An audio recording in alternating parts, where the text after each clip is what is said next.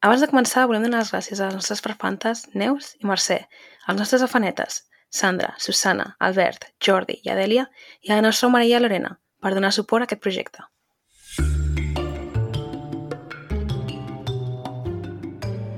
Benvinguts a Malandre Criminal, el podcast on comentem documentals de crims de la manera més cutre possible, perquè no sabem fer-ho millor. Jo sóc la Carla. Jo sóc la Marta. Jo sóc la Clara. Teniu alguna història? Algú de què queixar-vos? Um, ah, bueno, sí, sí, sí, sí. Mira, La justament. bueno. Justament. Aviam, anem a explicar la història de la Renfe d'avui. Doncs resulta que ara estic treballant a Barcelona. Què passa? Que haig d'agafar la puta Renfe cada dia. O sigui que ara les històries estaran que no pararan. Avui que estem gravant és divendres, per context. La Renfe ha decidit fer vaga. Un Ah, divendres. porten tota la setmana. No, no porta tota la setmana. La vaga era El dilluns, dilluns, dijous... i... No, no, dilluns i divendres, se suposa que era la vaga. Dijous també van fer, crec. No, és que dijous el que va passar és que es va, es va parar un tren entre Martorell i Castellbisbal. Llavors l'R4 no funcionava. Com sempre. Sí, bàsicament. Tant és si fan vaga o no, perquè la R4 no funciona mai. Jo no agafo la R4, però és igual. La cosa és que avui havia d'estar a Barcelona a les 8, però jo, previsora de mi, he pensat, mmm, vaga. Llavors he anat d'hora a buscar el tren, estava a les 6 en punt a l'estació, i a les 6 i 5 ha passat un tren. I dic, bueno, bueno, no està mal, perquè arribaràs amb temps, almenys no arribaràs tard, fins aquí bé. Ara, què ha passat quan he sortit? Que arribo a l'estació, passa, bueno, passeig de Gràcia passa 10 minuts tard, però clar, aquests són el, vull dir, el mínim dels meus problemes. Anar 10 perquè minuts llavors, tard és anar a l'hora. Sí, sí. És anar superpuntual. Llavors hem arribat a la següent parada, que és Sants. Hem arribat a Sants. Què passa? Que la gent estava acumulada, llavors hi havia molta gent al tren. Molta gent, rotllo, que t'aixafen una mica. Rotllo que t'aixafen el que ve sent les costelles amb una motxilla. I no sé què ha passat, que el revisor, ai, el revisor, el conductor ha decidit que no arrencava. Que no arrencava durant mitja hora i que més bloquejava les portes amb el tren que no es podia ni respirar. Mm. Mm, hem estat mitja hora allà enxubats i sense poder respirar amb la calor que fot quan hi ha 400 persones en un vagó de tren. A mi saps què m'ha passat fa un parell de setmanes? Veràs. El tren ja anava en plan tard, però ja no 10 minuts tard, no, en plan 35 minuts tard. Sí. Però avisaven, incidències a l'R4, el qual, whatever. 35 minuts tard. Arriba, pujo, i a Molins de Rei, que és a mig camí, Decideix que no, no? Que ja està. s'està 20 minuts parat a l'estació, al cap de 20 minuts el conductor diu per megafonia "Ah, estem tenint uns problemes, estarem uns minuts parats, que dius, bueno, ja en portem 20. Bueno, I al cap de 10 minuts Va. més, entren els de seguretat als vagons a dir tot, el mundo va abajo. Tothom a baixar-se un... Jo què sé si era un dimarts o un dimecres a les 8 de la tarda. Hi havia com 400 o més persones en aquell tren, perquè a més a més és un tren llarg. a mi em Sí. va passar igual un dia. Tothom Em va tirat... deixar enmig de Gavà. Sí, tothom tirada. tirat a Molins de Rei, tothom demanant explicacions. No en tenien. Era, pues, o te vas a pata o t'esperes al següent tren que va 40 minuts tard, també. O sigui, t'has d'estar allà una hora esperant I no tens garantia de que el pròxim tren Hmm. funcioni bé. Sí. Perquè, a més a més, quantes vegades m'he trobat jo que em diuen sí, sí, el següent passen uns minuts i uns minuts són 45 minuts. Saps què vull dir? Ja, ja, ja, sí, sí, és com... total. Mm, tothom allà, en plan, trucant a És que no. gent, saps? Ni transport alternatiu. Tampoc. Transport alternatiu, què és eso? Ahir a la R4 hi havia, o sigui, una hora que no passava cap tren per plaça Catalunya de la R4. O sigui, imagina't, Uau, plaça Catalunya, si algú no ha estat mai, que ja em sembla estrany, però si algú no ha estat mai, és una estació que dona molta claustrofòbia perquè és gran, però, no sé, fa molta calor sempre, bueno, mal rotllet. No, la, la plataforma és relativament estreta Sí, és, és, és com molt llarga, però estreta. I, i i fa, fa molta calor, molta calor allà. Però molta calor. Ja pot ser desembre que fa molta calor allà. I clar, plaça Catalunya és com... No, no és al nivell de Sants, però és on tothom baixa, diguem. Sants i plaça Catalunya és on tothom baixa. Llavors, què passa? Que una hora sense passar cap tren, pots imaginar la gent que hi havia, i a sobre tenen la santa jeta, perquè és que és santa jeta, de posar al, al Twitter de la R4 de posar normalitat al servei. Que dius, tio, què et Sí. costa anunciar que hi ha retards? Perquè si jo sé que hi ha retards, ja agafo els ferrocarrils o ja em busco la vida. Però clar, baixes a baix i et trobes al barcal i mirant, esperant, esperant. És horrorós. No, i Mort a la el Renfe. fet d'avisar Sí. que hi ha retards, el que fa és que tinguis la gent que ja s'espavila pel seu compte, tens menys gent a les vies cagant-se la teva puta mare Mhm. i, no sé, en definitiva tens menys clients emprenyats. No, els hi dona igual. Els hi dona igual. Ja. Jo, mira, jo estic molt farta perquè ara tècnicament, tècnicament, Rodalies és gratis, no? Sí. Tens aquests bitllets que Sí. si fas no sé quants viatges. Però és que, tio, prefereixo pagar i anar a l'hora amb ferrocarrils a vegades, perquè és que, joder, tot surt malament sempre. Tot, és que Sí. no hi ha dia... Ara agafo la Renfe en menys freqüència que abans. Ara agafo la Renfe dos dies a la setmana. I no hi ha dia que no o arribi tard on vaig o m'estigui una hora i mitja per tornar. Un viatge que normalment se suposa que són 35 minuts de tren, m'estic hora i mitja per tornar. Mm, bueno, jo he estat Saps? una hora i mitja. Mm. Ja. Però el teu viatge és el doble de llarg que el meu, Sí, sí, sí. saps? El meu viatge és d'una hora si tot va bé. O sigui, és horrorós, és horrorós. És una En merda. fi, És una merda. uh, bueno, la és gent deu estar no? fartíssima de sentir-nos Sí, ja ho sentim, eh? Però és que de veritat que s'ha de viure per poder entendre-ho. No, si segur que la meitat estan en plan, no, sí, ja ho sabem, això. Clar, clar, sí. És en plan, t'estic-. Estic escoltant a, a, a la Renfe, saps? que és que no hi ha res més a fer. En fi. Ai, sort que normalment a les... sempre so- m'assec. Jo tinc la sort que sempre trobo un lloc. Però Mm. si hi ha hagut algun dia que no m'assec, després d'estar allò de peu, després de treballar, que vas cansat, fot una ràbia. Oh! Clar, jo agafo, agafo el tren, quasi sempre són com, és la segona estació del trajecte. Mm, llavors, Llavors, clar. normalment sempre trobo lloc. Mm. Però clar, avui me l'he menjat tot de peu. Jo quan estic super, super cansada agafo el metro i me'n vaig una estació més enrere Sí, jo igual. sobre que tindré lloc. Alguna vegada l'agafo Art de Triomf, per exemple, des Sí, de, de plaça sí, sí. Catalunya, per poder Exacte, seure. també. Sí, sí. S'escolta Ramon Bori del meu, és que hi ha un bar aquí baix Abans I- sentia alguna però... Sí, hi no ha sé. gent que està prenent Ah. alguna però de tant en tant passen imbècils amb la música o alguna. Mm. Podem també queixar-nos de la gent, en general. L'altre dia, l'altre dia volia una hora d'estar en silenci a casa meva per llegir, vale? Tenia ganes de llegir en silenci a, a casa meva. Tenia a la gent parada en corralillo, les senyores parades en corralillo, pràcticament sota la meva finestra, cridant al carrer, perquè no poden parlar amb un to de veu normal, han de cridar. Els veïns d'una banda Sí. cridant també, perquè el nen es passa la vida cridant i la mare li ha de cridar per renyar-lo. I llavors, a la que aquells es calmen, la veïna de l'altra banda parlant per telèfon, cridant també. Per què Mm. crida tant la gent? Sisplau, podem baixar els decibels com... En sèrio, la gent no sap mantenir una conversa punt. sense cridar.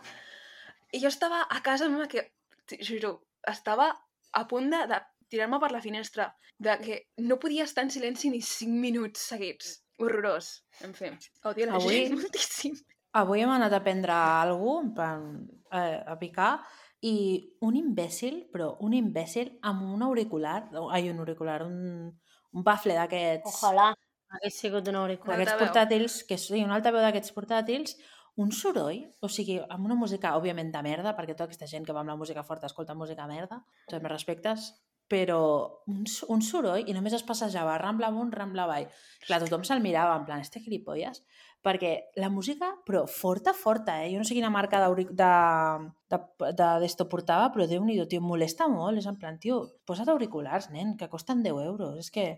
Jo que sóc el tipus de persona que, tot i així amb els auriculars, si algun dia em poso la música massa forta, em fa cosa que la persona del costat sentís que porto la música molt forta. Sí, sí, sí. Collons, mira, l'altre dia al tren, sense anar més lluny, em vaig veure tota una sèrie Ah, ja, ja. amb el del costat. Però Sí, perquè bé. portava, no portaven auriculars o perquè el portaven fort? No, no, no. Ah, no. no sé, a mi això em fa molta ràbia. En general, odiem a la gent. La gent... L'altre dia quasi no baixo del tren. De... sé que m'he queixat alguna altra vegada, però lo de deixar sortir abans d'entrar, No, hola, no, no, la gent no. Hauríem de tornar a posar-ho a megafonia. Jo recordo quan era petita que ho ficaven a megafonia, allò de Sí. deixar sortir abans d'entrar. Ja no ho posen. Quasi no surto. Plaça Catalunya, òbviament, hi havia moltíssima gent. Segur que el, el tren anterior no havia passat i hi havia el doble de gent. Que... Però també hi ha, en plan, molta gent que ha de baixar. Quasi no surto del tren. Em vaig tenir que hostiar, quasi, Sí, sí. per no, baixar crec. del tren. O sigui, què li passa a la gent? No, no, i és en No. plan, què fas? O sigui, què intentes, saps? Tipo, no sé, deixa'm sortir. És que... Clar, és que menys lloc hi haurà per tu si jo no surto, saps? Escolta'm, jo ja em putxo. O sigui, jo he arribat al moment que em putxo, perquè ja no estic per hòstia. Ah, jo em vaig tirar cap avall, saps? No, no. És que... Al final, una mica la desesperació, per exemple, no, o me lanzo al vacío o no, no surto. Fa És molta ràbia, horrorós, tio. horrorós. Mhm. En fi, En fi, vale. bueno, anem al lío, no? Clara, què ens portes No, avui? Clara, Avui us porto moltes coses. Què passa? Que avui, dijous, dia 17 de novembre, primer dia que em sé el dia en què surt publicat això, clar, els dies mundials internacionals, etc etc, bueno, pues són normalillos, no? Dia Mundial de la Filosofia, està molt bé, a tots ens agrada la filosofia. No, bueno, Sí, sí, a tots ens agrada. té els seus moments, però no, perquè en general... el que jo he estudiat de filosofia et mentia, ni no era filosofia, era història de la filosofia. I A això més, tu tomes, oi? Ja, això és veritat. No Sí, a més, ser. jo mai estava d'acord amb les teories, per alguna raó. A mi Llavors, m'agradava, eh? Història Sí, de a la mi també. filosofia. a mi La veritat. M'agrada Però filosofar, però no m'agrada tenir que aprendre amb la teoria d'un senyor que es va morir fa 500 anys, saps? A mi sí que m'agrada perquè es pot memoritzar. Veus? A mi és el que no m'agrada. m'agradava. Perquè, no sé, sempre li trobava lagunes i era l'única pringada que es discutia amb la profe. Perquè, I això també em passava a mi, eh? Perquè ningú feia cas. clar, i la profe m'havia de defensar els filòsofs, saps? Però jo sempre, vendre.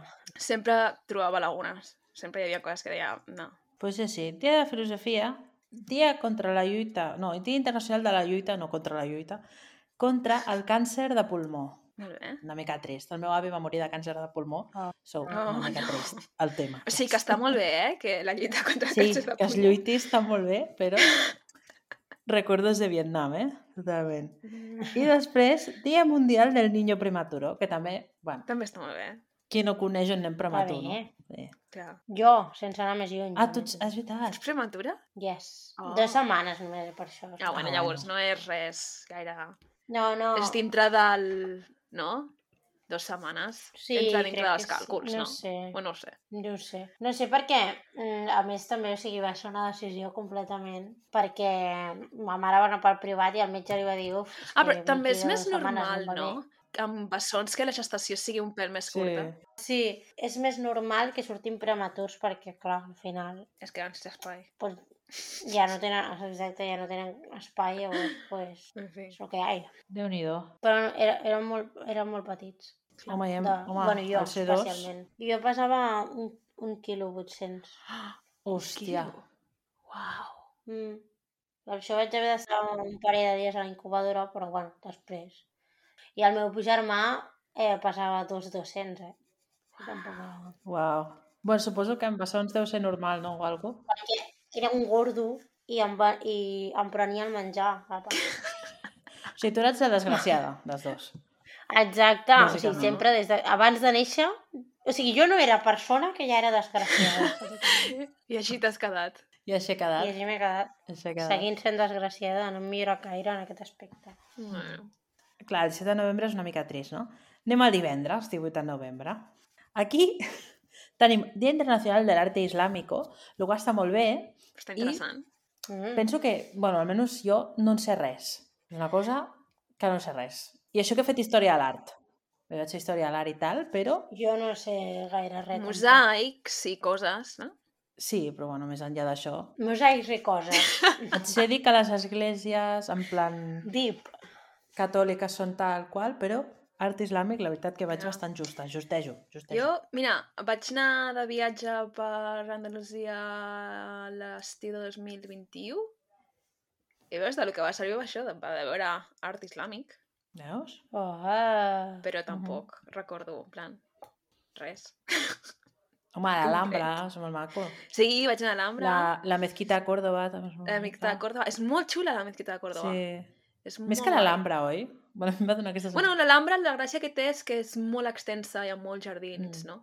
Però tampoc pots... Has d'anar, almenys durant, quan jo vaig anar, no pots anar mirant al voltant com et doni la gana, saps? Segueixes el recorregut. Mica. Ja, sí, sí. Però la, la Mejita Córdoba, el guai és que allà, si entres abans de... Crec que és de les 9 del matí o alguna així, jo que sé, molt d'hora, si vas molt d'hora, entres gratis. Uh -huh. Mm. Llavors ja no has de pagar. I, I vam anar en plan això a les, com a les 7 del matí o a les 8 del matí per no haver de pagar. I llavors van començar la primera missa i ens van fotre fora. Ens van dir o pagueu o us fotem fora. I vam dir, ok. Vinga, pues res. Bye. Tenim un amic que va anar també i va anar amb uns amics que un d'ells té una discapacitat. Sí, Sí. sí. així, no? Mhm. Sí. Bueno, té problemes de vista i tal, i té, té la discapacitat. I clar, si entres amb una persona amb discapacitat, la persona amb discapacitat entra gratis i un acompanyant també entra gratis. I es veu que van fer rondes, saps? Per entrar tots gratis. Vaya tela. perquè l'amic entrava gratis, entrava amb un acompanyant, ho veien, tornava a sortir, tornava a entrar el xaval amb un altre acompanyant. En fi. Vaya tela, tio. O sigui que podeu fer una cosa o l'altra, anar a les 7 del matí o, o anar... O buscar-vos un amic, no? Buscar-vos un amic que dongui volta. Sí. Uau. Uau. Què més, què més? Bueno, clar, ara aquí, cuidao, perquè això no sé si puc pronunciar. Dia Mundial del Paciente Anticoagulado. Que jo entenc que això és... És que jo soc de lletres total, eh? Que, Doncs, doncs kind of funny. que no se't coaguli la sang, no? Plan... Assumeixo. No? O sigui, Sí, però clar, Homofília, fa gràcia, no? no? En plan, mai havia, pen... Mai havia dit? pensat en, ning en ningú Què has dit? no es diu, sobre si està coagulat o no. no es diu homofília la, la malaltia que no coagula sang? No tinc ni Sí, coi, la que tenen totes les famílies reials. Perquè estan allà Homofília. barrejats entre elles. Com fego. Ah, sí? Ah, no, no, no, no, és una altra. Ah, Com es no, diu? no, no, Com es diu? una altra- Hemofi hemofília. Hemofília, no homofília. Homofília és una altra cosa. Hemofília. Homofília és, és el mateix però si ets gay, saps? La hemofília és un trastorn. La, no, la, la homofilia és la tendencia de las personas por atracción a sus homónimos. És a dir, a gent que s'assembla a tu, Uf, Però no, amb la que tenen un look similar a tu. hòstia, hi havia un, un tret una vegada a Twitter Bueno, de parelles gais homes que eren iguals. Fotia un mal rotllo, tio. Ah, però no sona tan raro, segons Wikipedia. Puede ser respecto a edad, normal, creencias, normal també, educación, en plan molt lògic, no? Estado social, Sí. bueno, sí. La gent rica tendeix a No. juntar-se amb gent rica i aquest tipus de coses, no? Uh -huh. sí, bueno, més que res perquè no s'ajunten amb res, amb res més. Clar, per això. Però vull dir, també, creencies, em sembla el més lògic del món, en plan, imagina't casar-te amb una persona de l'Opus. Plan, No, no, no, no, xocaríeu amb moro. moltes coses. Sí, sí, no podria. No, No, bueno, no és que ja no passaria, eh? Clar. Per això, llavors... Anyway, Clar. em referia a la hemofília. Ok. Suposo que és la, Sí. gent, és la gent que no coagula, la hemofília. Doncs pues mira, és el seu dia, veus? I que falta un, Dia Mundial de la Vasectomia. Important. Uhu! Important. important. Uh, És important. És una És molt manera important. segura i efectiva de, Exacte. de... No em surt la paraula. No cal portar més nens al món. Exacte. I, i, i fàcilment reversible si canvies d'opinió. Exacte. És una cosa fàcil de fer i fàcil de desfer. Sí, sí. Sí, Que fort, eh? Realment és la millor opció. Jo crec que sí. Òbviament per altres coses no, però en quant a... No, home, però per, per malalties de transmissió sexual i coses d'aquestes no. no però però a... a... el mètode conce- anticonceptiu, Uh -huh. sí.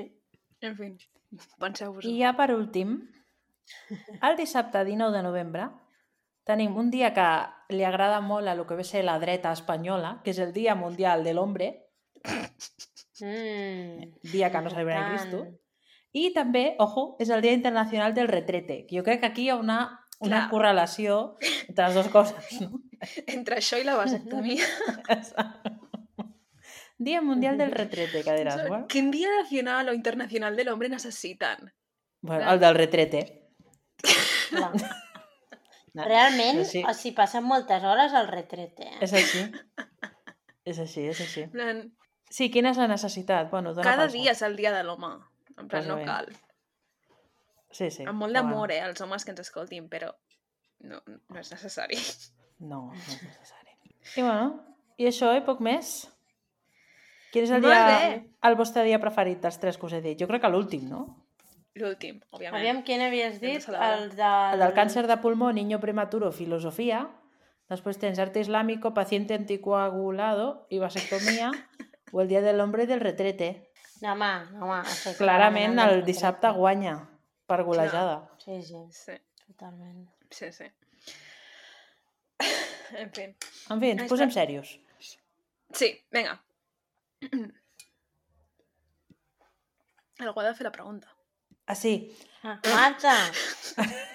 Jo estava esperant, eh, que comenci... Madre meva, tio. És que estàvem les home, dues esperant a que jo fes la pregunta No, no. quan a mi em eh, toca un- respondre-la. Un any i pico després, encara no em sé el tema, eh? Increïble. Seguimos No, ja, ja. para bingo. Marta, Què? qui és el malandrí d'avui?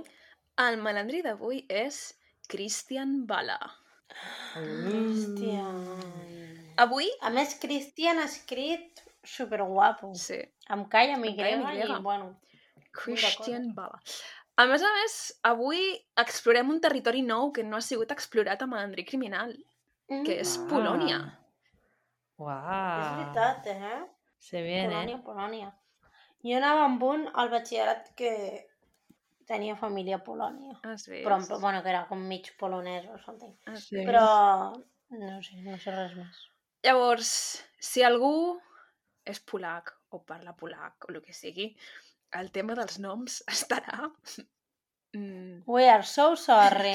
durillo, estarà durillo perquè hi ha alguns noms. Literalment, el nom de la víctima l'he apuntat crec, una vegada i em referiré a aquesta persona durant la resta de l'episodi La com la víctima. víctima perquè no sóc capaç de recordar-lo.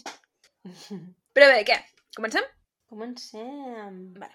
Doncs, al desembre de l'any 2000, uh, uns pescadors troben un cos seminu en el riu Audra, a Polònia. No em pregunto exactament on queda, perquè no ho he mirat.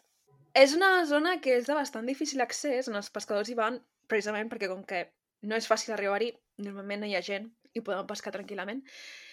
I llavors els estranya trobar flotant el cos d'un home.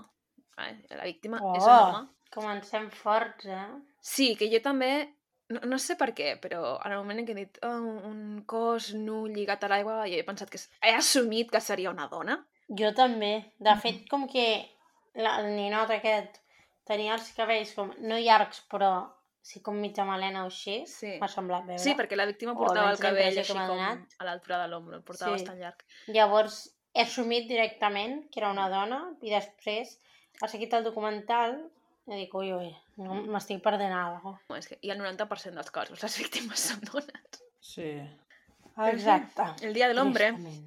la nostra víctima és un Mm. home. Mare meva. Que no volem que moriu. No, home, no. No. Ah, no. Home, no. O sigui, és que s'ha unit així d'una manera una mica estranya. No volem que mori ningú, o sigui, per motius legals. No. Llavors, no, que ningú s'ho prengui molt en sèrio. Ok. Seguim. Seguim. Qui és la víctima? La víctima és un senyor que es diu Darius Janiv... Ja... Deixa'm tornar a provar-ho. Janivzevski. Janizevski? Bé, eh? Crec que sí, que és Jani... Janizevski. Janizewski. És un home de 35 anys que feia un mes que havia desaparegut. Oh. I la víctima té ferides a la cara, al cos, segurament fets amb arma blanca, i està lligat. Està lligat al coll amb els braços i els braços amb els peus, de tal manera que... O sigui, és un tipus de, de nus que com més estires i més resistència fas, més s'apreta. Llavors, com que ha lligat els peus amb les mans i amb el coll, la idea és que com més es resistia aquesta persona, com més es movia, al final va acabar asfixiant-se ell mateix. Una mica sado, eh, el tema. Sí, s'ha d'un plan malament. Sí, sí, Sí. no en plan... Sadístic, bueno, sí, una mica sadístic. No, no sé quin era el plan bo, però... Dic en plan, en plan malament. Sí. A més a més, troben, a l'autòpsia troben que tant a l'estómac com als intestins no hi havia res, o sigui que aquesta persona portava dies sense menjar, però sí que troben aigua als pulmons, o sigui que quan se la va llançar al riu aquesta persona encara estava viva. Llavors, l'assumpció és que estava dèbil perquè portava molts dies sense menjar, se'l va llançar al riu, però entre que s'ofegava i que s'intentava no ofegar i es movia, es va acabar estrangulant a si mateix barra ofegant-se. No, no saben què va venir primer. Llavors, clar, la primera... Bueno, Hi ha diverses cosites. teories. Què dius? Cosites. Hi ha diverses teories aquí de... bueno, al principi, no? Al principi de la investigació. Un és que sembla una execució, potser és algun tema de bandes, de mm, criminals, el que sigui. No, en plan, Uh -huh. alguna organització criminal que hagi fet això com a càstig, no sé què, però llavors hi ha l'altra teoria que és, no, això sembla, en plan, literalment han torturat aquesta persona.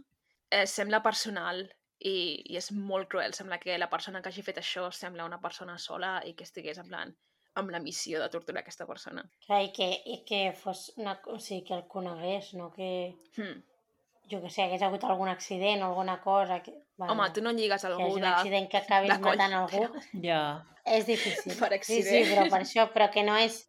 Jo que sé, que a vegades mm, hem vist algun cas segurament, bueno, no, no, en el nostre cas no, però que no és rotllo amb intenció de- d'assassí... Bé, ja m'enteneu. Que a vegades passen coses, però que no és el cas, que aquest està molt premeditat. Hmm. Això volia dir. T'ha costat, eh? De res. Uh, la investigació comença amb buscar, en plan, un motiu per la mort d'aquesta persona, no? Lo típic, doncs investigues a la dona, a la família, als seus amics, la gent amb la que feia negocis, no? I a veure si trobes algun punt pel que mm, aquí hi havia conflicte. No hi havia conflicte. Mm. La seva relació familiar era normal, estable, els seus amics no tenien cap problema amb ell, a la feina no tenia cap problema, no constava de que tingués cap relació amb cap organització criminal, en plan, res. Una persona de lo més normal. Per tant, estan en plan, merda, és que si no tenim un mòbil no, No saben tenen... per on tirar. Clar, no tenen res per on estirat. I mm, els mitjans comencen a dir que ha sigut el crim perfecte. Mm. Perquè els mitjans sempre han de fotre els nassos. Han de ser, bueno, els més sensacionalistes i els més guais. Sí, els mitjans són els mitjans. Um, que clar, llavors aquí entra una mica en plan la idea de quin és el crim perfecte. El crim perfecte és ficció, perquè no existeix el crim perfecte, però a la vegada dir que això és un crim perfecte avergonyeix a la policia, saps? I, eh, no sé, és com... Mm. Deixa de concentrar-se en han matat a un home a ser com Sí. tota una fantasia i a la vegada la humiliació de la policia i tal, i ser més sobre la policia que altra cosa. Jo. Bueno, cosites també. I llavors, la policia el que fa és contactar amb el presentador del programa de crims més popular de Polònia en aquell moment, Oh, això m'ha encantat, aquesta tela, tio. part. És fascinant. que és un senyor que es diu Mihat o Mikat Fa. Favusiewicz. Igual de fàcil que Carles Porter. Favusiewicz. Sí, crec que sí. bueno, tu segueix, segueix. Que, a, jo crec que pots arribar més lluny. ho diré. Però bueno, aquest senyor diu, vinga, va, jo us resoldré el cas perquè sóc el puto amo. I fan un programa especial sobre aquest cas. En plan, si teniu pistes, testimonis, el que sigui, contacteu amb nosaltres, nosaltres contactarem amb la El policia. que vulgueu. Però no en treuen res. Molta gent sé que comenta, però ningú aporta res de valor. Llavors, no tenen pistes i al juny del 2001, uns sis mesos més tard, abandonen el cas, totalment. Diuen, uh, millor ens oblidem perquè... Uh... Espera, tinc una mica desorganitzat això. Home, Marta, no es pot tenir desorganitzada. No, perquè he apuntat una cosa, perquè saps això que um, durant l'episodi, després de cada tall d'anuncis, et tornen a explicar tot el cas? Ja. Vale, doncs Sí. han dit com un, un, una cosa que he apuntat i ara em dono compte que no, no pertoca aquí, pertoca a més tard. Però l'han posat com avance, saps? I jo m'he apuntat. En fi, el 2001 deixen el cas, però el 2003 hi ha una revisió rutinària de casos que no s'han resolt i tal, i mm, la persona que li toca revisar aquest cas descobreix errors comesos per l'assassí dels quals els detectius inicials no se n'havien adonat. Dius, Mm. ok, gran feina. Sí, sí. A reure el cas. Realment, a veure, els errors... El detectiu, detectiu Tubleski, uh, s'adona que, tot i que quan es va, es va fer la denúncia de desaparició, la família va dir que portava el mòbil a sobre quan va desaparèixer, no troben el mòbil de la víctima. Llavors diu, ostres, què se n'ha fet d'aquest mòbil? Estarà al fons del riu, el va destruir, en plan... I pensa, si aquest mòbil encara s'estigués utilitzant, podríem rastrejar-lo. Realment és... Es veu, o sigui, tu després veus el telèfon i allò és com, un, com, un, com una arma blanca en si mateixa. A veure, és un telèfon del 2000, saps? Sí, sí, però què vull dir? Igual al 2000, no sé, llámame loca, eh? Però tampoc és tan raro que no busquessin el telèfon. Ja, igual encara no estaven acostumats Sí. a haver de buscar per telèfon. No tothom Sí. tindria... No sé si tothom tindria telèfon. No ho sé perquè no me'n recordo, perquè tenia dos anys, però no sé fins a quin punt tothom tenia telèfon mòbil o es podia assumir que, que aquesta persona no tingués un telèfon mm, era com problemàtic, saps? Bueno, que no, no se li trobés el telèfon. Però quan denuncien la desaparició sí que especifica que portava el telèfon a sobre. I com... Ah, vale, llavors sí, llavors sí que és una cagada. És veritat, és veritat. Clar, també entenc el que dius perquè jo el telèfon més antic que recordo era el Nokia, aquell que tenia la pantalla taronja i potser jo tenia 10 anys, saps? I jo- Sí. Ja, ja, i jo, era, jo també, o sigui, telèfons així, però ja era una mica més gran. El Nokia aquell que jugaves a l'Snake, se'n recordeu? sí, exacte. Sí, Ma sí, mare el sí, tenia. La meva iaia, la meva iaia el tenia. Mm. I al cap d'un any o dos, quan ton pare o ta mare s'han comprat un de nou, portaves aquell telèfon sense SIM al col·le per jugar a l'Snake al pati. Totalment. Sí. Sí. Eh, el Nokia era el de New Tamagotchi. Crec que en plan va ser primer allò i després els tamagotxis. Per... No, no. I ara els nens van amb les consoles aquestes enormes. Bueno, en fi. Bueno, nosaltres també. Jo me'n recordo de portar la, la SP i la DS jugant al Pokémon allà al pati. Però de, gran, de més gran ja. No, Bueno, 10 clar, anys. bueno, la SP devia tenir això 10 anys o així. Sí? No Sí. sé. Però això ho portàveu al col·le. No No sé. I tant, la Game. Boy... A Game Boy sí que la recordo. Bueno, jo no havia tingut mai Game Boy, perquè ja dic, no sóc de, de videojocs jo, Mm. però no he sigut mai. Però en fi. Bueno, és igual. Tenen la gran sort que la dona de la víctima, després de tots aquests anys, ha guardat el tiquet de compra. Molt bé. Molt bé, el síndrome de Diògenes. Clar, Ens Guardeu-ho va superbé per aquest cas. tot. Guardeu-ho tot, perquè poden ser pistes si us passa alguna cosa, Mai sabem quan ens poden matar. i així és com jo justifico guardar tota la merda que guardo. Sí, jo mm, no ho puc guardar tot perquè ja, ho, vull dir, ja ho he, vaig tirant les coses por ahí, les perdo i llavors mm, em poso nerviosa a mi mateixa. Per tant, si ets aquest tipus de persona, pots guardar les coses però ordenadet. Perquè no, En fi, la liem. La qüestió és que aquesta senyora té el tiquet, no? I el tiquet eh, posa el número de IMEI, que no sé exactament què és, però imagino que és algun tipus com de IP del telèfon. No, no sé què és. Ho sabeu vosaltres què és? I, M, IMEI. A l'email. Sí, exacte. A l'email ni és, és com si fos el DNI del teu telèfon. Veus, un IP. ah, ja sé, ah, vale, vale. Mm. Llavors, agafen aquest número i busquen. I comproven que realment, després de 3 anys, el telèfon segueix actiu. Però clar, aquest telèfon ha passat per moltes mans, perquè s'ha venut de segona mà a varia gent. Llavors el que fan és anar com tirant enrere, troben Mm. una persona que el té en aquell moment, i a tu qui te l'ha venut aquesta persona, i a tu qui te l'ha venut aquesta persona, tal, tal, tal. Fins que arriben a la primera persona que lo va comprar al, a finals de 2000, o a principis de 2001, que diu, no, jo el vaig comprar en plan a eBay, saps? En una web d'aquestes de subhastes online. I diuen, vale. Vale. Anem a trobar... Bueno, és, almenys és un fil, no? Sí, clar, és, és la primera pista real que tenen. És algo. Mm, és algo. Bueno, és tot, realment, perquè... Sí, sí, bueno, és tot el que tenen, eh? És tot perquè d'aquí diuen, vale, te'l van vendre per eBay. Anem a mirar el perfil de la persona que te'l va vendre per eBay. I qui és la persona que li Mm. va vendre per eBay? Doncs pues, un usuari que es diu Chris Mm. B7, Wow. Oh my god. registrat Cris. per Christian Bala, que també dius Chris, sisplau. Sisplau, una mica de- de- d'esforç, de, eh? Cultura de l'esforç. En fi, Vull dir, literalment ha matat algú i s'ho ha currat tant i ara posa el seu nom per vendre el telèfon de la persona morta. Doncs pues molt bé. qui és Christian Bala? Christian Bala és un tio de 30 i pico d'anys i te'l venen com és un intel·lectual, és un viatger que escriu novel·les i fotògraf i no sé què. Um, Mm. Christian Bala és un rapalent, bàsicament. El Christian Bale aquest és, és un narcisista És un, sí, arrogant. és un... Bueno, que va una mica Sí, en la sí, definició sí, de total. narcisista, però mm, Sí, sí, vull dir... és un inútil. I no ho diem Mm, nosaltres, no estem diagnosticant a ningú. Ho diuen literalment al documental més endavant. És literalment un Sí, narcisista, Sí, però sí. del llibre. de llibre. Però bueno, Acabat. ens estem... literalment. Ets un narcisista acabat.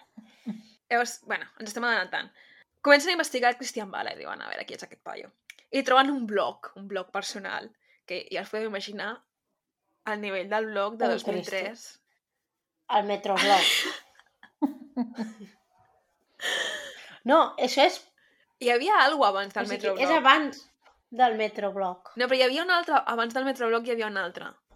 El El Fotolog. El Fotolog. fotolog, Hola. sí, fotolog, fotolog. Uau. Que, per cert, mm, es va liar perdíssima... Bueno, me la van liar per, perdíssima amb això del Metrolog o el Fotolog o no sé quin d'aquests era, o alguna així. Perquè algú va posar... És que, mare mia, va, a una companya de classe, en el metroblog aquest d'una companya de classe, amb el meu nom, que no vaig ser jo, va posar alguna com... No sé, va, la va insultar, no recordo exactament què era, però la va insultar en plan heavy. I clar, el nòvio de sisè de primària d'aquesta, sí, cuidao, eh? Em va venir a insultar a mi. I clar, jo... Però és que jo no havia vist ni que algú l'havia insultat en el meu nom. O sigui, jo tenia absolutament cap idea del que estava passant. I jo, mama, que m'han insultat. I ma mare, doncs pues anem a parlar amb, la, amb els pares d'aquest nen. Total, que ens vam presentar ma mare amb un pare a casa de els pares d'aquest nen ensenyar-li el que aquest nen m'havia dit. I clar, el nen aquest és que ha insultat a la meva nòvia. Jo, però que, que... Si no he insultat a ningú, a més era amiga meva, o sigui, no entenia res. I a, al final li van fer aquest nen demanar davant de tota la classe, demanar-me perdó, i aquest nen es va posar a plorar Oh, i no. tothom va començar a dir que com podia fer-li això. I jo, però si m'ha insultat ell. O sigui, tothom es va posar de la seva part perquè estava plorant davant de tota la classe i clar, jo en plan... mm, No sé, en plan... Que dolenta que ets. Sí, sí, i clar, me la van liar perdíssima. Ara m'he recordat d'això, no me'n recordava, eh? Recuerdo desbloqueado. Nosaltres no, te- no, vam tenir problemes amb Facebook a la nostra classe, no, Clara? A mi em volien expulsar. és que... De veritat, eh? poc més. Tu te'n recordes? Jo, i és que a mi no em va tocar perquè jo no vaig participar en aquella conversa de Facebook. Llavors a mi no em va esquitxar per enlloc. A mi em van agafar, em van portar una sala que hi havia un Cristo ja penjat. És que tinc la imatge del, del director... Una cosa, De- un moment, la mateixa, la mateixa energia que quan la Clara va escriure amb 5 anys, bueno, amb 3 No, anys, tinc un trauma. un paper, i la van castigar perquè era l'única que sabia escriure de la classe. Clar, no, no, un trauma amb això, eh? Me pillaron! Aquí et volien sí, sí. expulsar per dir jaja, no? O alguna així. No, no, no, que va, que va, que va, que va. No, és que no m'explicar això. Perquè resulta que hi havia una noia de la, de la nostra classe que li feien bullying. Vale? Sí. Vale. Llavors van trist. penjar una foto d'aquesta noia en concret en una excursió random eh, dormint amb la boca oberta. Vale? Mm. I van haver-hi X persones que van començar a escriure els comentaris de tot. Vale? De tot heavy. I jo vaig escriure... I jo soc, soc imbècil, vale? jo era imbècil, i jo amb la bona fe vaig escriure no us passeu. Vaig Ah, escriure això, no us passeu. I després A una sobre altra... es van ir riure. No, no. No va ni riure. I després una altra, una altra companya... Si hagués posat jaja, ho entendria. No, no, no, no. Sé, jo recordava que era algo en plan Sí, molt jo vaig mínim, posar, no us passeu. que no va I, portar eh, gaire la conversa. Sí, no us passeu. I després una altra companya, que també era de l'estil jo, en plan pringadia de classe, que no feia mai res i tal, que no la castigaven i tal, eh, va posar una cara com trista, un emoji trist d'aquests. que feia. I aquesta també la volien... Bé, llavors Ah, ja sé qui agafar... és la persona Sí, de l'emoji. ens van agafar a les dues, a les dues ens van portar a una sala d'un metre per un metre, en plan heavy, i tenia el director de secundària allà cridant-nos, amb el Cristo ja darrere penjant, i que ens volien expulsar, o sigui, ens van enviar una carta Sembla una escena de Derry no, no, que ens expulsaven de classe per haver participat en la, en la conversa i, i, i jo en plan, però anem a veure, o sigui, que jo havia escrit això, o sigui, ho hagués, ho hagués entès si hagués escrit una de les borrades que havien escrit, però la I justificació... els altres no els hi van dir? No, no, espera, la justificació era que m'expulsaven perquè jo no havia eh, comparat el tema i no havia avisat els, els professors o qui fos de que això havia passat. Quan en part és, o sigui, te- tenen raó, però la, la lògica havia estat ostres, està bé que hagis posat aquest comentari en el sentit de que vas reconèixer que hi havia una situació aquí que no era correcta, però hauries d'haver anat, no sé què, no? Això hauria estat una mica més lògic. bueno, doncs em van enviar una carta. Per posar-vos en context, jo mai he tingut ninguna, ningun parte, en plan, mai m'havien castigat, poca cosa. I jo arribo a casa i li dic, mama, que m'ha- que m'han expulsat del col·le, mama. Com? Com? Va llegir la carta, em va fer ensenyar i tot, i us dic que si ma mare hagués vist un missatge de jo insultant algú, vamos, ja m'expulsa ella, saps dir? En plan, no faria falta castig perquè ja m'expulsaria ella. Total, que ma mare em va dir, que què? Que què? Bueno, i el dia següent va trucar l'altra mare d'aquesta noia i es van presentar les dos a... Van, van, pres- van agafar liades. No, sí, ma mare mai es, fi, es fica en res d'alcohol ni res. L'únic dia que va anar va ser aquell dia i va anar, aviam què, què s'havien pensat. I quan va aparèixer ma mare no va passar res, va ser un malentès i al final no em van expulsar ni res.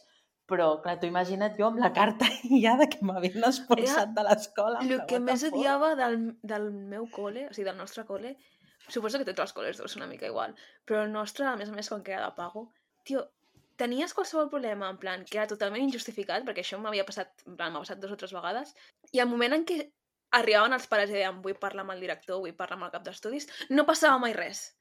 Tot Mm. era en plan, tenies tota la raó del món, saps? Era, era horrorós. Bueno, a mi em frustrava molt, era en plan, Mm. Bueno, això és el que passa quan tu tens clients. Clar, clar, clar.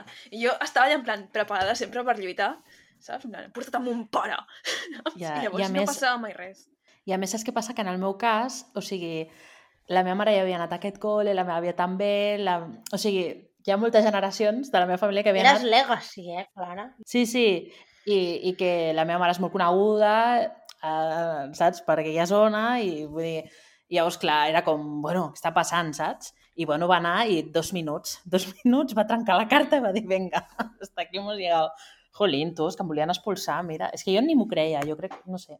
Jo ja et dic, me'n recordo del Cristo, allà penjat, i el, i el d'esto anar-me dient coses, en fi. Jo, fixa't si passen. estava desconnectada del món, que no recordo ni... A... Crec que no vaig arribar a veure la foto. En plan, no vaig arribar a, O sigui, a participar, però perquè no vaig arribar a entrar a mirar-ho, saps? els comentaris que veien eren heavies. I ara, a toro no- no pasado, recordo res. a toro pasado sí que penso, hòstia, la passivitat que mostraves en certs moments, realment ara no ho faria, no? Bueno, ets a dir, sense Mm. voler, en plan... Mm, Sí, sí, ja sé que de- diràs. de plan, la eh, víctima, però-. Vull dir, les vegades que jo vaig intentar defensar aquesta persona, després aquesta persona m'insultava. I va haver un, un moment que vaig dir, sudo de tu tres Sí. pobles, saps? Era una... O sigui, una persona una- una mica Sí, peculiar. Era molt en peculiar i a, i a part també passa en aquests tipus d'escoles que normalment les persones que comencen P3 ac- van juntes fins que tenen 18 anys. Llavors, Mm. quan ve gent que és de fora, també al principi costa una mica integrar-se, no? I en el seu cas eh, ja venia d'altres escoles i en totes les altres escoles li havien fet bullying per X o per A, no? I, i tots ens coneixem entre tots, i llavors doncs, això també va córrer per l'escola nostra i també va començar aquesta situació, que era una situació, la veritat, ara pensant-ho en plan d'adult, una situació bastant desagradable. Però ja et dic, a mi em va caure aquí una, una de merda de rebote que no vegis. Recordo que va ser una època en general que es notava la tensió a la classe. Sí, sí, sí. Era raro, era, Sí, no sé. Mm. en fi. Sobretot per la gent que- que mai havia tingut problemes amb altra gent, així en plan bèstia, saps? Sí. En fi. Anem a seguir on m'havia quedat. Sí, sí. Um... Ah, sí, lo del blog, estàvem parlant del blog. Doncs troben un blog... troben un blog d'aquest senyor que, on hi ha parts d'una novel·la que ha escrit aquest senyor, no? Com en plan paràgrafs per donar-te un tastet. I el, el detectiu es comença a llegir aquests, aquests, um, aquestes parts de la novel·la que ha penjat al blog i diu, hòstia, això és molt violent, és molt gore, i fins i tot hi ha un punt que ho descriuen...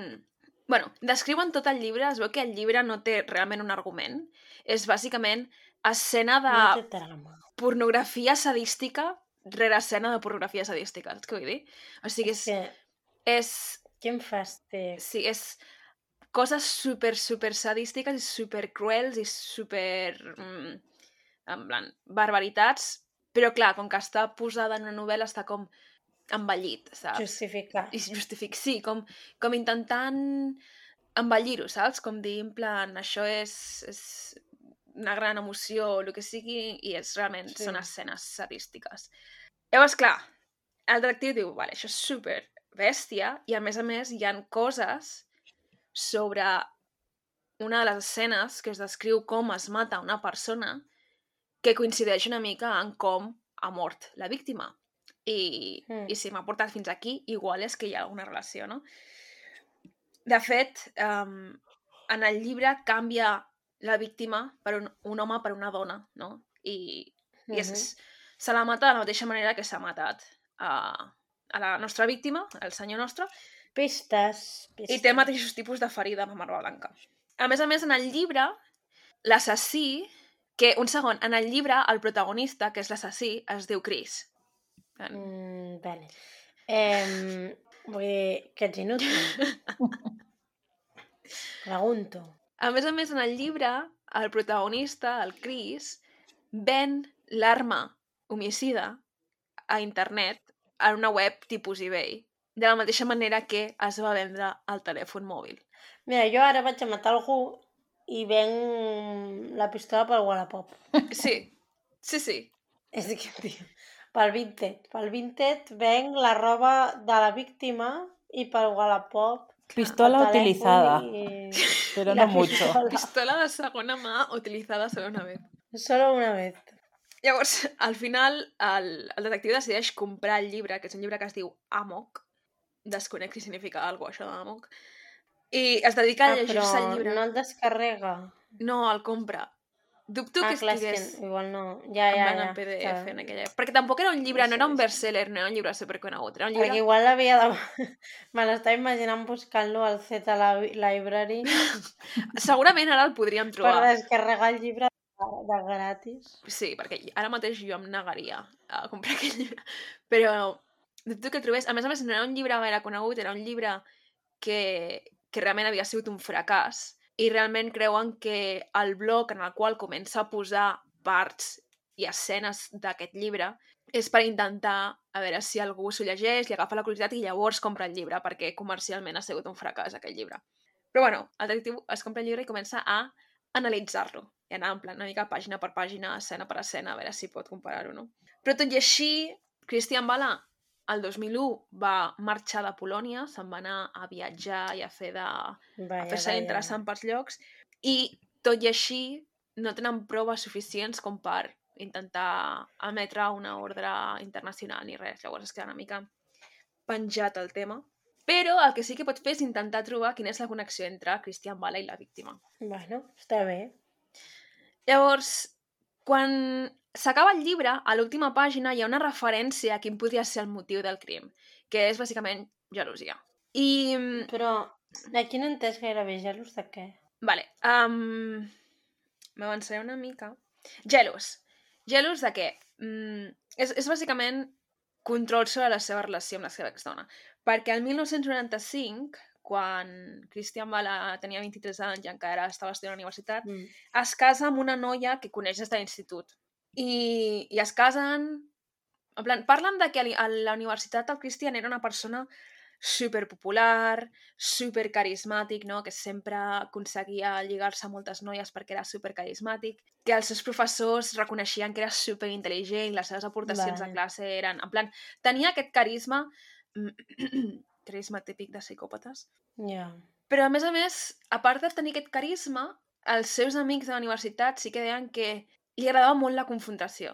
O sigui, a la mínima saltava per tenir una confrontació. No física necessàriament, però per deixar veure que Ja. ell acabaria guanyant en la discussió, saps? Estava la que salta. Sí. I llavors, bueno, al final es casa amb aquesta noia i, i tenen un fill. No sé exactament si un any o dos després, o que sigui, tenen un fill. Però el matrimoni, com podeu suposar, no era un matrimoni feliç, sinó que és un matrimoni molt violent, no? hi ha infidelitat per part d'ell, però llavors ell sentia gelosia de lo que fos que fes ella. És a dir, ell sentia que ell tenia el dret de sortir i fer el que li donés la gana, però si la seva dona feia el mínim com saludar un altre home en plan al veí, ja es Mm. pensava que estava follant, saps? Mm, ok. Sí, és una relació volàtil. Al 99 es divorcien.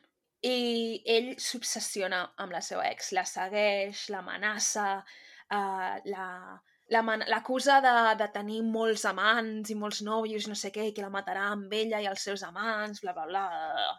Uh, lo qual no sabem si, si és veritat. I si ho fos, què més dona? Ja, ja, ja. És això de eres mia, saps? És, és bàsicament la seva propietat. Sí. I la seva ex, al final, coneix a un home que és el Darius Janivzewski, que és la nostra víctima. No? Es coneixen, doncs, jo què sé, de manera normal, saps? I ell és un home agradable i tal, i doncs, mm, bueno, comencen a sortir. No, en cap moment diuen que s'establís una relació sèria ni res, però bueno, comencen a veure's, no? I se sap, al final, o sigui, els detectius acaben descobrint, suposo que perquè parlen amb l'ex de, de Christian Bala, que la va confrontar sobre la situació, la va confrontar sobre el fet de oh, està sortint amb aquest tio, bla, bla, bla, bla, bla, bla. Mm. Llavors, clar, seguim amb el mateix. No poden fer res perquè Christian Bala no està a Polònia. Però, el 2005, per raons que no coneixem, Christian Bala torna a Polònia. Molt bé, Cristian. Mm, com que T'estàvem esperant. la policia, literalment la policia estava esperant-lo perquè hi havia un avís que si el passaport de Christian Bala entrava a Polònia, se'ls avisaria. I a l'aeroport ho veuen i els avisen i directament me la Bueno, resten. té un comitè de benvinguda al Cristian. Llavors, aquí, jo crec que aquí és on ve el moment més de, típic de narcisista total, que és el moment que l'estan interrogant, ell diu que no sap res, és, és, és super arrogant mentre l'interroguen molt de, en plan, no, no sé de què em parles. Um, té una actitud molt dismissiva. I al final el detectiu que l'està interrogant li diu això no ho has pogut fer sol i que et va ajudar algú. I com a bon narcisista egocèntric que és, Home, el Christian Bala s'emprenya. li diu, si em va ajudar de punt. Exacte. És que és en plan, oh, és, és de, de, de llibre, això. És, és de... És el més bàsic, Sembla, és el més sembla bàsic. com un episodi de Criminal Minds o alguna cosa, Però és que és el més bàsic. A un narcisista, per desmuntar-li tot, l'únic que has de fer és acusar-lo de que no és suficientment intel·ligent, de que no és suficientment bo. I s'emprenyen, es reboten, i diu, a mi no em va ajudar ningú a matar-lo, no sé què, Oh, és que saps? és boníssim, aquesta part. Però llavors, com que es pensa que és més intel·ligent que ningú, un cop s'adona de que la cagada, comença a actuar raro, comença a, a tocar coses, comença a donar com si li hagués donat un atac o alguna demana un metge, demana una ambulància, criden a un metge, el metge se'l mira i li diu no li passa res. El metge diu, hemos sido engañados. Diu, mèdicament parlant, no li passa res.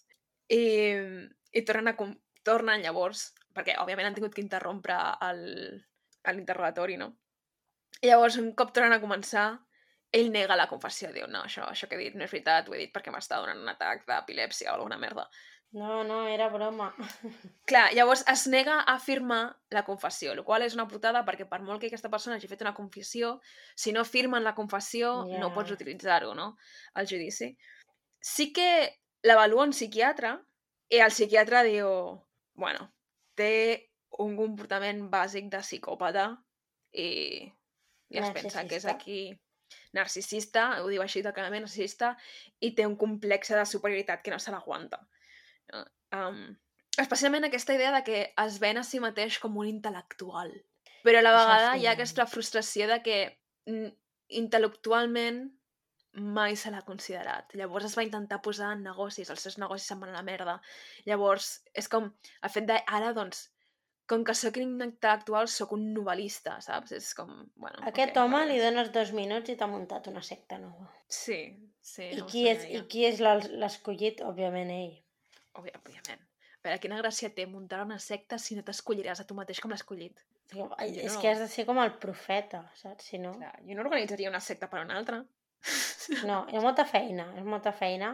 Sí, després no has de treure el crèdit tu, saps que vull dir? Clar, ha els beneficis. Sí, i massa risc també, vull dir, si s'ha de fer es fa bé. Home, el risc és igual. És la feina que que, el que ens porta mal de cap. bueno, llavors què passa?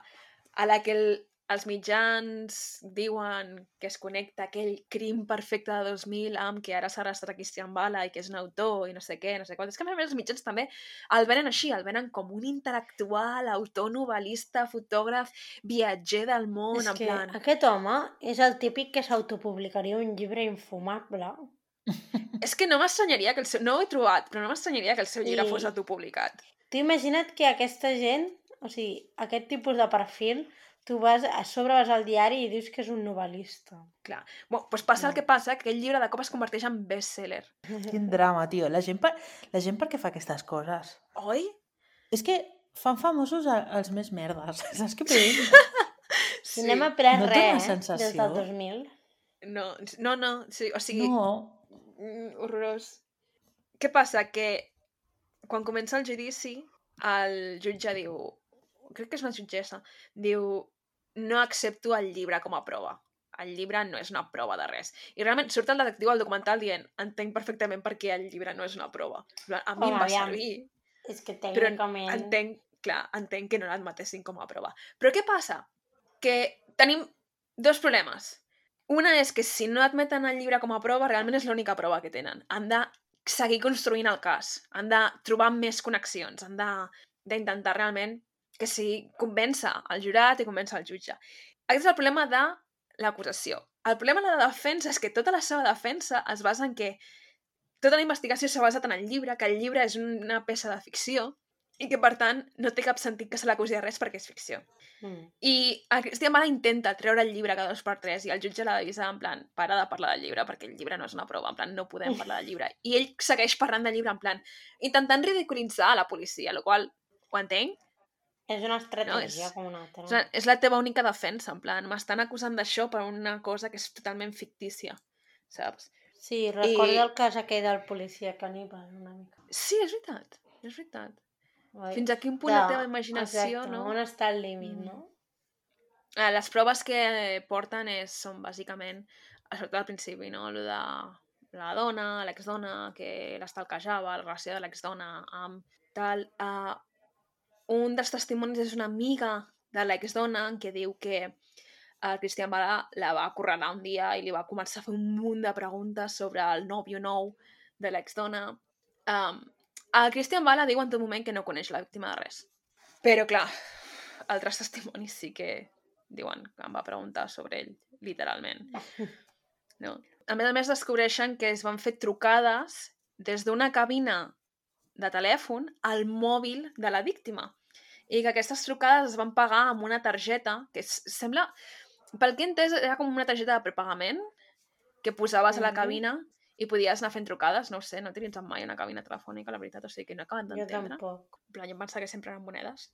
Que també dius, vaya inútil, ho haguessis fet amb monedes i no haguessin pogut rastrejar que aquesta targeta de prepagament per fer trucades l'havies comprat tu. Le falta calle d'assassí. Clar, és que no, no és que li falti calle, és que se sent tan superior a tothom que comet errors super tontos i super bàsics. Ja, li dona igual. Clar, perquè no s'ho pensa. passa. Perquè ell és més intel·ligent que tothom, per tant, si a ell no se li acudeix, a ningú se li acudirà, saps? Mhm. Clar, amb aquesta targeta, o sigui, no, no està a nom seu la targeta de prepagament, però amb aquesta targeta de prepagament s'han fet trucades a els pares del Cristian Bala, als amics del Cristian Bala, als germans del Cristian Bala, és en plan, òbviament era teva. Vaya tela. Llavors, una també de les coses és, per què va vendre el telèfon per eBay? Ni puta idea. No té gaire sentit. Necessitava pasta. Literal que va treure en 70 euros. Bueno, No... Realment valia la pena? Vull dir, cap bueno, fàstic els 70 euros, per, per no? Però, l'aparat aquell que duia... no sé, sembla però... Però no sé, és, és com una cosa que està en el judici tota l'estona de... I el telèfon, per què el va vendre? Jo, la meva única conclusió d'això segueix sent el pur narcisisme pur i dur i pues, no, no, no va pensar en les conseqüències, saps? Ja. D'això, és, és l'únic que se m'acudeix. Què més? Busquen entre les pertenències del Cristian Bala que ell va deixar a casa dels seus pares abans de marxar el 2001 i troben el que li diríem records del crim o trofeus del crim, que són bàsicament una llibreta amb detalls sobre la víctima, en plan on treballa, a quina hora surt de la feina, aquest tipus de coses, uh, un bolígraf de la companyia on treballava la víctima i la targeta de negocis que literalment posa el nom de la víctima. i el no, seu si càrrec. Al final els hi acaben so- sortint proves, eh? Clar, què dius? Es passa tot el judici dient no el conec de res, no l'he conegut mai, no, no, sona, no em sona el seu nom, però tens la targeta d'aquesta persona amb el seu nom i detalls sobre la seva vida Ja, és que és un pringat, eh? Vull dir, imbècil. No, no em cau bé aquest senyor, eh? No, no, a mi tampoc, eh? No sé si es nota, però... A més a més, s'adonen també de que... Això és una tonteria, però s'adonen que alguns dels missatges que van rebre en aquell programa de crims comencen a mirar les IPs i els únics missatges que no van aportar res en el seu moment, però llavors criden l'atenció, en plan, cinc anys més tard, estan tots fets des de països d'Àsia i països d'Amèrica, que coincideixen amb els països d'Àsia i els països d'Amèrica que havia visitat Christian Bala des de 2001 a 2005, abans de tornar a Polònia. Veus? És com-. No sé, i... pf, jo què sé, és tot molt idiota. A més, ja per rematar-ho, un amic del Christian Bala va com a testimoni al judici i diu que a una festa de cap d'any de l'any 2000, Mm. Christian Bala, mentre estava borratxo, li diu que ha matat a un dels nòvios de la seva exdona amb cordes. L'amic tot borratxo doncs, Sí. o no s'ho creu o, o ho met de la seva memòria. Depèn Però, de la quantitat d'alcohol en sang. clar, Ja seria gran. Ja, però no sé. És com l'últim testimoni del judici que dius, a veure, fill meu... Al final, al setembre del 2007, el declaren culpable, a 25 anys de presó li cauen, Molt bé. i l'he intentat buscar, però no hi ha gaires notícies d'ara, perquè aquell, document... o sigui, aquell documental està fet 8 anys més tard de que entrés a presó. Ara ja fa uns quants anys més. Ara ja en deu fer, què? 15? Home. Sí, no? 15 deu fer-ne. Mm, no he trobat res que hagi dit que, que sortís de presó o cap tipus de notícia. O sigui que jo assumeixo que aquest home segueix a presó, però sí que és veritat que des de presó Christian Bala encara segueix insistint que el seu llibre és ficció... No, si el seu llibre pot ser ficció, però... No, però in segueix Mm. insistint en que el llibre és l'única prova, quan Home. clarament no ho és. Aviam, tu em pots discutir que el llibre és ficció o no és ficció, però dir que és l'única prova quan literalment han tret una targeta de crèdit d'aquest senyor de, de, de, del calaix de la tauleta de nit, doncs què vols que et digui? Està, està Clar. complicat com a Ell segueix insistint en que és totalment innocent i que la I tant. policia és corrupta i són gilipolles, que no t'ho negaré, però pel fet de que van basar tot el seu cas en el seu llibre, el qual va ser com el primer que els hi va donar pas a investigar-lo, però hi han més proves a part del llibre en el que se sosté el cas, o sigui que tampoc té Crec- sentit. Soñar és gratis i si ell diu que és innocent, pa'lante. Mm. També el tema està en que des de presó ell pues, està com...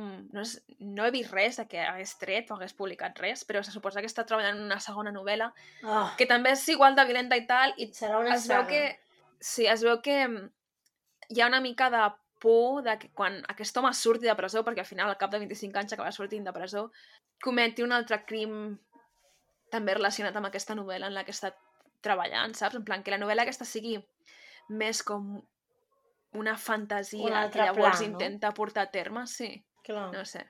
Home, és que aviam, mm, no pots, o sigui, no pots fer res perquè si aquest home se li fica entre cella i cella fer alguna cosa d'aquestes, vull dir que aquest home ha complert la condemna que ha complert i el temps l'ha fet, doncs llavors és el que hi ha. Mm. Pot passar, però clar, és que no pots fer res. Vull dir... Eh, quina edat tindrà quan surti de presó aquest home? Tenia 35 quan el van detendre? Tenia 37? mm, 35, 60, 35. bé. Ja, encara pots matar algú perfectament amb 60 anys. Home, no, depèn. Home, amb 60 anys. Vull dir que no, no Bueno, estàs senil ni Depèn de quines encara. coses no pots fer, eh? Pots matar algú perfectament amb 60 anys, Carla. Sí, però si l'has de lligar gaire i tot el rotllo... Home, que els 60 són els nous 30, Carla. Ja, però... O bé, no sé, agafar alguna persona, lligar-la, agafar-li el pes mort... No sé. Ja l'esquena, les lumbars, la Aviam, ciàtica... Eh, jo amb més 20 i difícil, pico però- mm, ho dubto que ho pogués fer. La doncs, ciàtica... posem així.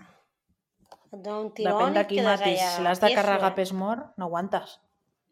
Bueno, a poc a poc, amb esforç, amb hores... Amb esforç tu pots. Clar. No ho he provat mai, així que clar, no sabem. Clar, no... Sempre ho ha de dir la Clara, allò de no he provat mai. No, no ho sé per experiència. Disclaimer. Disclaimer. Quan ho provi, si ja ho provo ja. Què t'ha semblat? A mi el documental m'ha semblat cotrillo, t'haig de dir, eh? No m'ha agradat gaire, a més, no m'ha mantingut gaire l'atenció. M'ha costat bastant de Ja. veure i m'he tirat 3, 3 hores intentant, havent de tirar-lo enrere perquè no, no hi havia manera. T'haig de dir. Ja.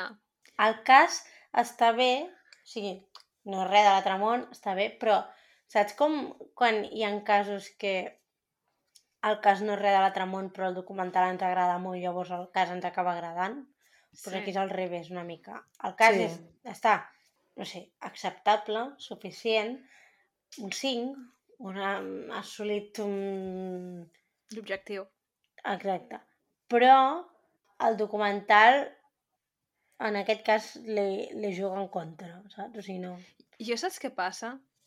Crec que el subjecte del documental, el protagonista del documental, que és el Christian Bala, és tan repel·lent que no tens ganes de seguir escoltant no. sobre aquesta persona. Saps? Sí.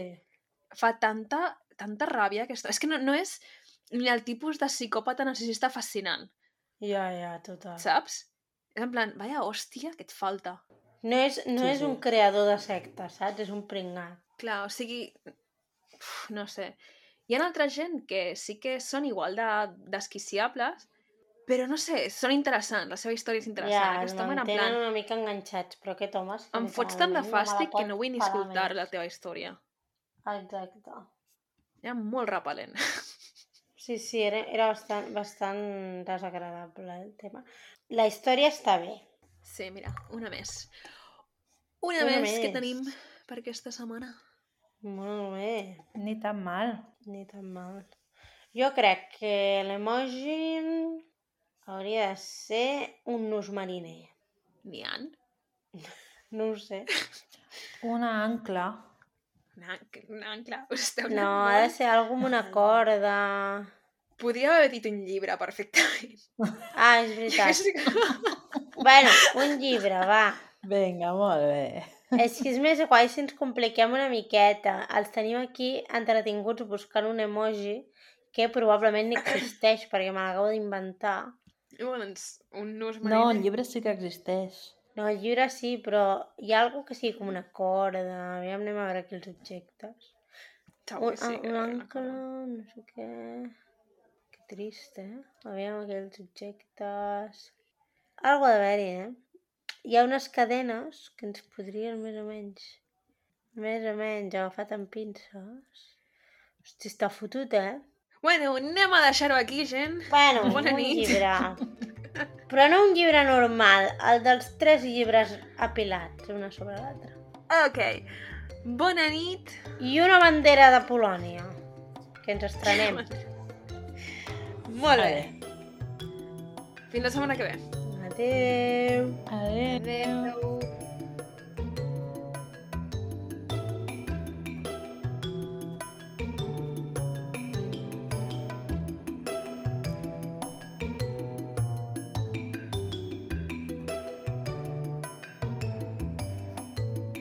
Fins aquí el programa d'avui. Si us ha agradat i us heu entretingut, podeu subscriure-us. Ens trobareu a Spotify, Apple Podcast, Google Podcast, iVoox i altres plataformes. Si voleu contingut extra, us podeu fer mecenes o fer una aportació a malandrí.aixeta.cat. També ens podeu trobar a Twitter i a Instagram. Gràcies per escoltar-nos. Adéu. Adéu.